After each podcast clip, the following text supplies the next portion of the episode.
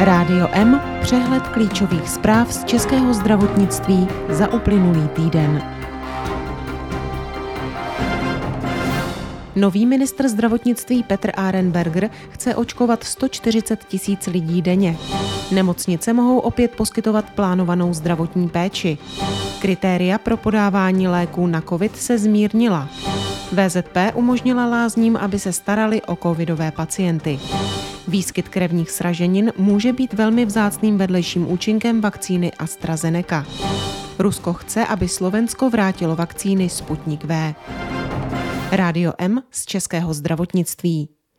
Česká republika má už čtvrtého ministra zdravotnictví od vypuknutí pandemie COVID-19, dermatologa a ředitele fakultní nemocnice Královské Vinohrady Petra Arenbergera. Jednou z jeho hlavních priorit bude komunikace. Další prioritou nového ministra je očkování proti COVID-19. Až bude dostatek vakcín, chce Arenberger očkovat 140 tisíc lidí denně. Arenberger uvedl, že chce do České republiky dostat hlavně registrované vakcíny. O použití neschválených vakcín lze uvažovat pouze v případě řádné klinické studie.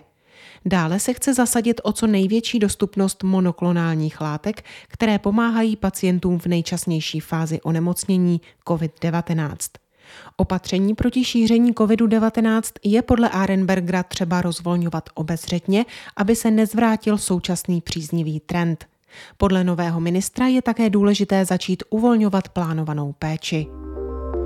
Novou ředitelkou státního zdravotního ústavu se stala Barbora Macková. Uspěla ve výběrovém řízení. Macková byla pověřena řízením ústavu od lednové rezignace ředitele Pavla Březovského, který odstoupil kvůli informacím, že se v ústavu přednostně očkovali vedle zaměstnanců i jejich příbuzní. Úkolem nové ředitelky bude navázat na dosavadní činnost státního zdravotního ústavu, zachovat vysokou úroveň odbornosti instituce a dále ji rozvíjet. Macková vystudovala třetí lékařskou fakultu Univerzity Karlovy v Praze. Specializuje se na lékařskou mikrobiologii.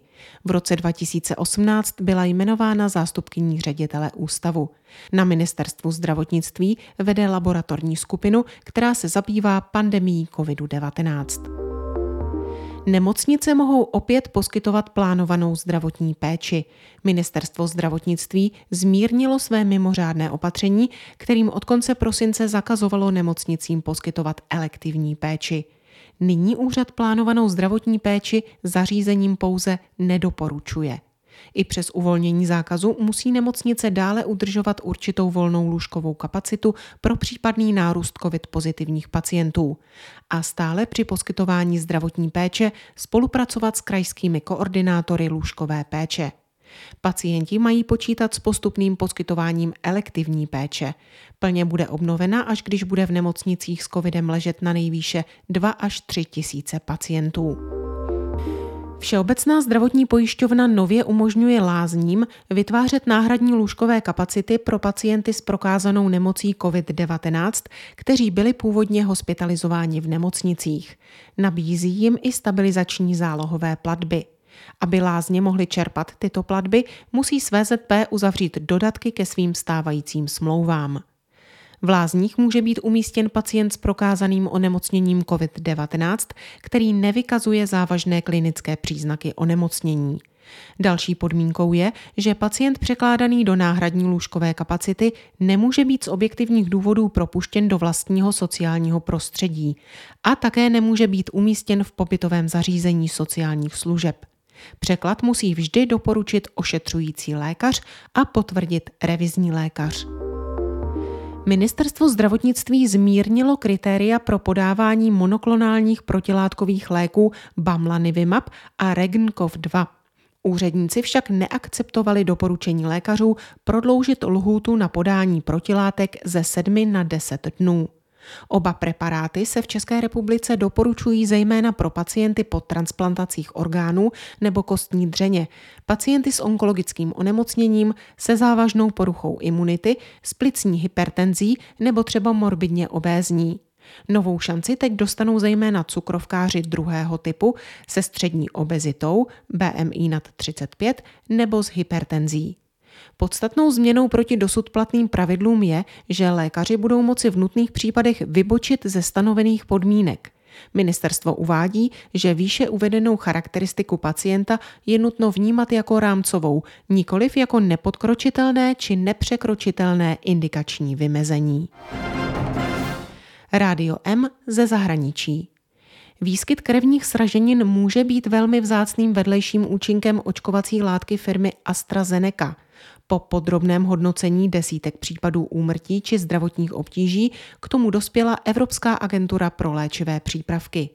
Její šéfka nicméně zdůraznila, že látka britsko-švédské společnosti je velmi efektivní a její přínos v boji proti nemoci COVID-19 stále převyšuje možná rizika. Vakcínu v zemích Evropské unie a Velké Británii dostalo zhruba 34 milionů osob. Do 22. března bylo hlášeno celkem 62 případů mozkové trombózy, 24 případů trombózy v oblasti břicha, s tím, že k většině z nich došlo do dvou týdnů po očkování touto očkovací látkou a 18 lidí zemřelo. Výbor pro hodnocení rizik lékové agentury v minulých týdnech podrobně zkoumal okolnosti všech 680 případů tromboembolických potíží. Dospěl k závěru, že výskyt krevních sraženin v kombinaci s nízkým počtem krevních destiček by měl být uveden mezi možnými nežádoucími účinky této vakcíny. Slovensko podle státního ruského fondu přímých investic, který zodpovídá za marketing vakcíny Sputnik V v zahraničí, porušilo kontrakt na dodávku této očkovací látky. Fond proto požádal slovenskou vládu, aby vrátila zásilku vakcín Sputnik V. Slovenský ústav pro kontrolu léčiv totiž uvedl, že s ohledem na nedostatek informací zatím nemůže vydat své hodnocení k přínosům a rizikům ruské vakcíny. Slovensko podle něj získalo vakcínu, která není shodná s látkou, již by měla posoudit Evropská léková agentura. Ústav také dodal, že výrobce vakcíny neposkytl asi 80% požadovaných údajů v souvislosti se Sputnikem V. Tolik zprávy uplynulého týdne. Připravila je Marcela Alfeldy-Šperkrová. Naslyšenou příští pondělí se od mikrofonu těší Marcela Žižková.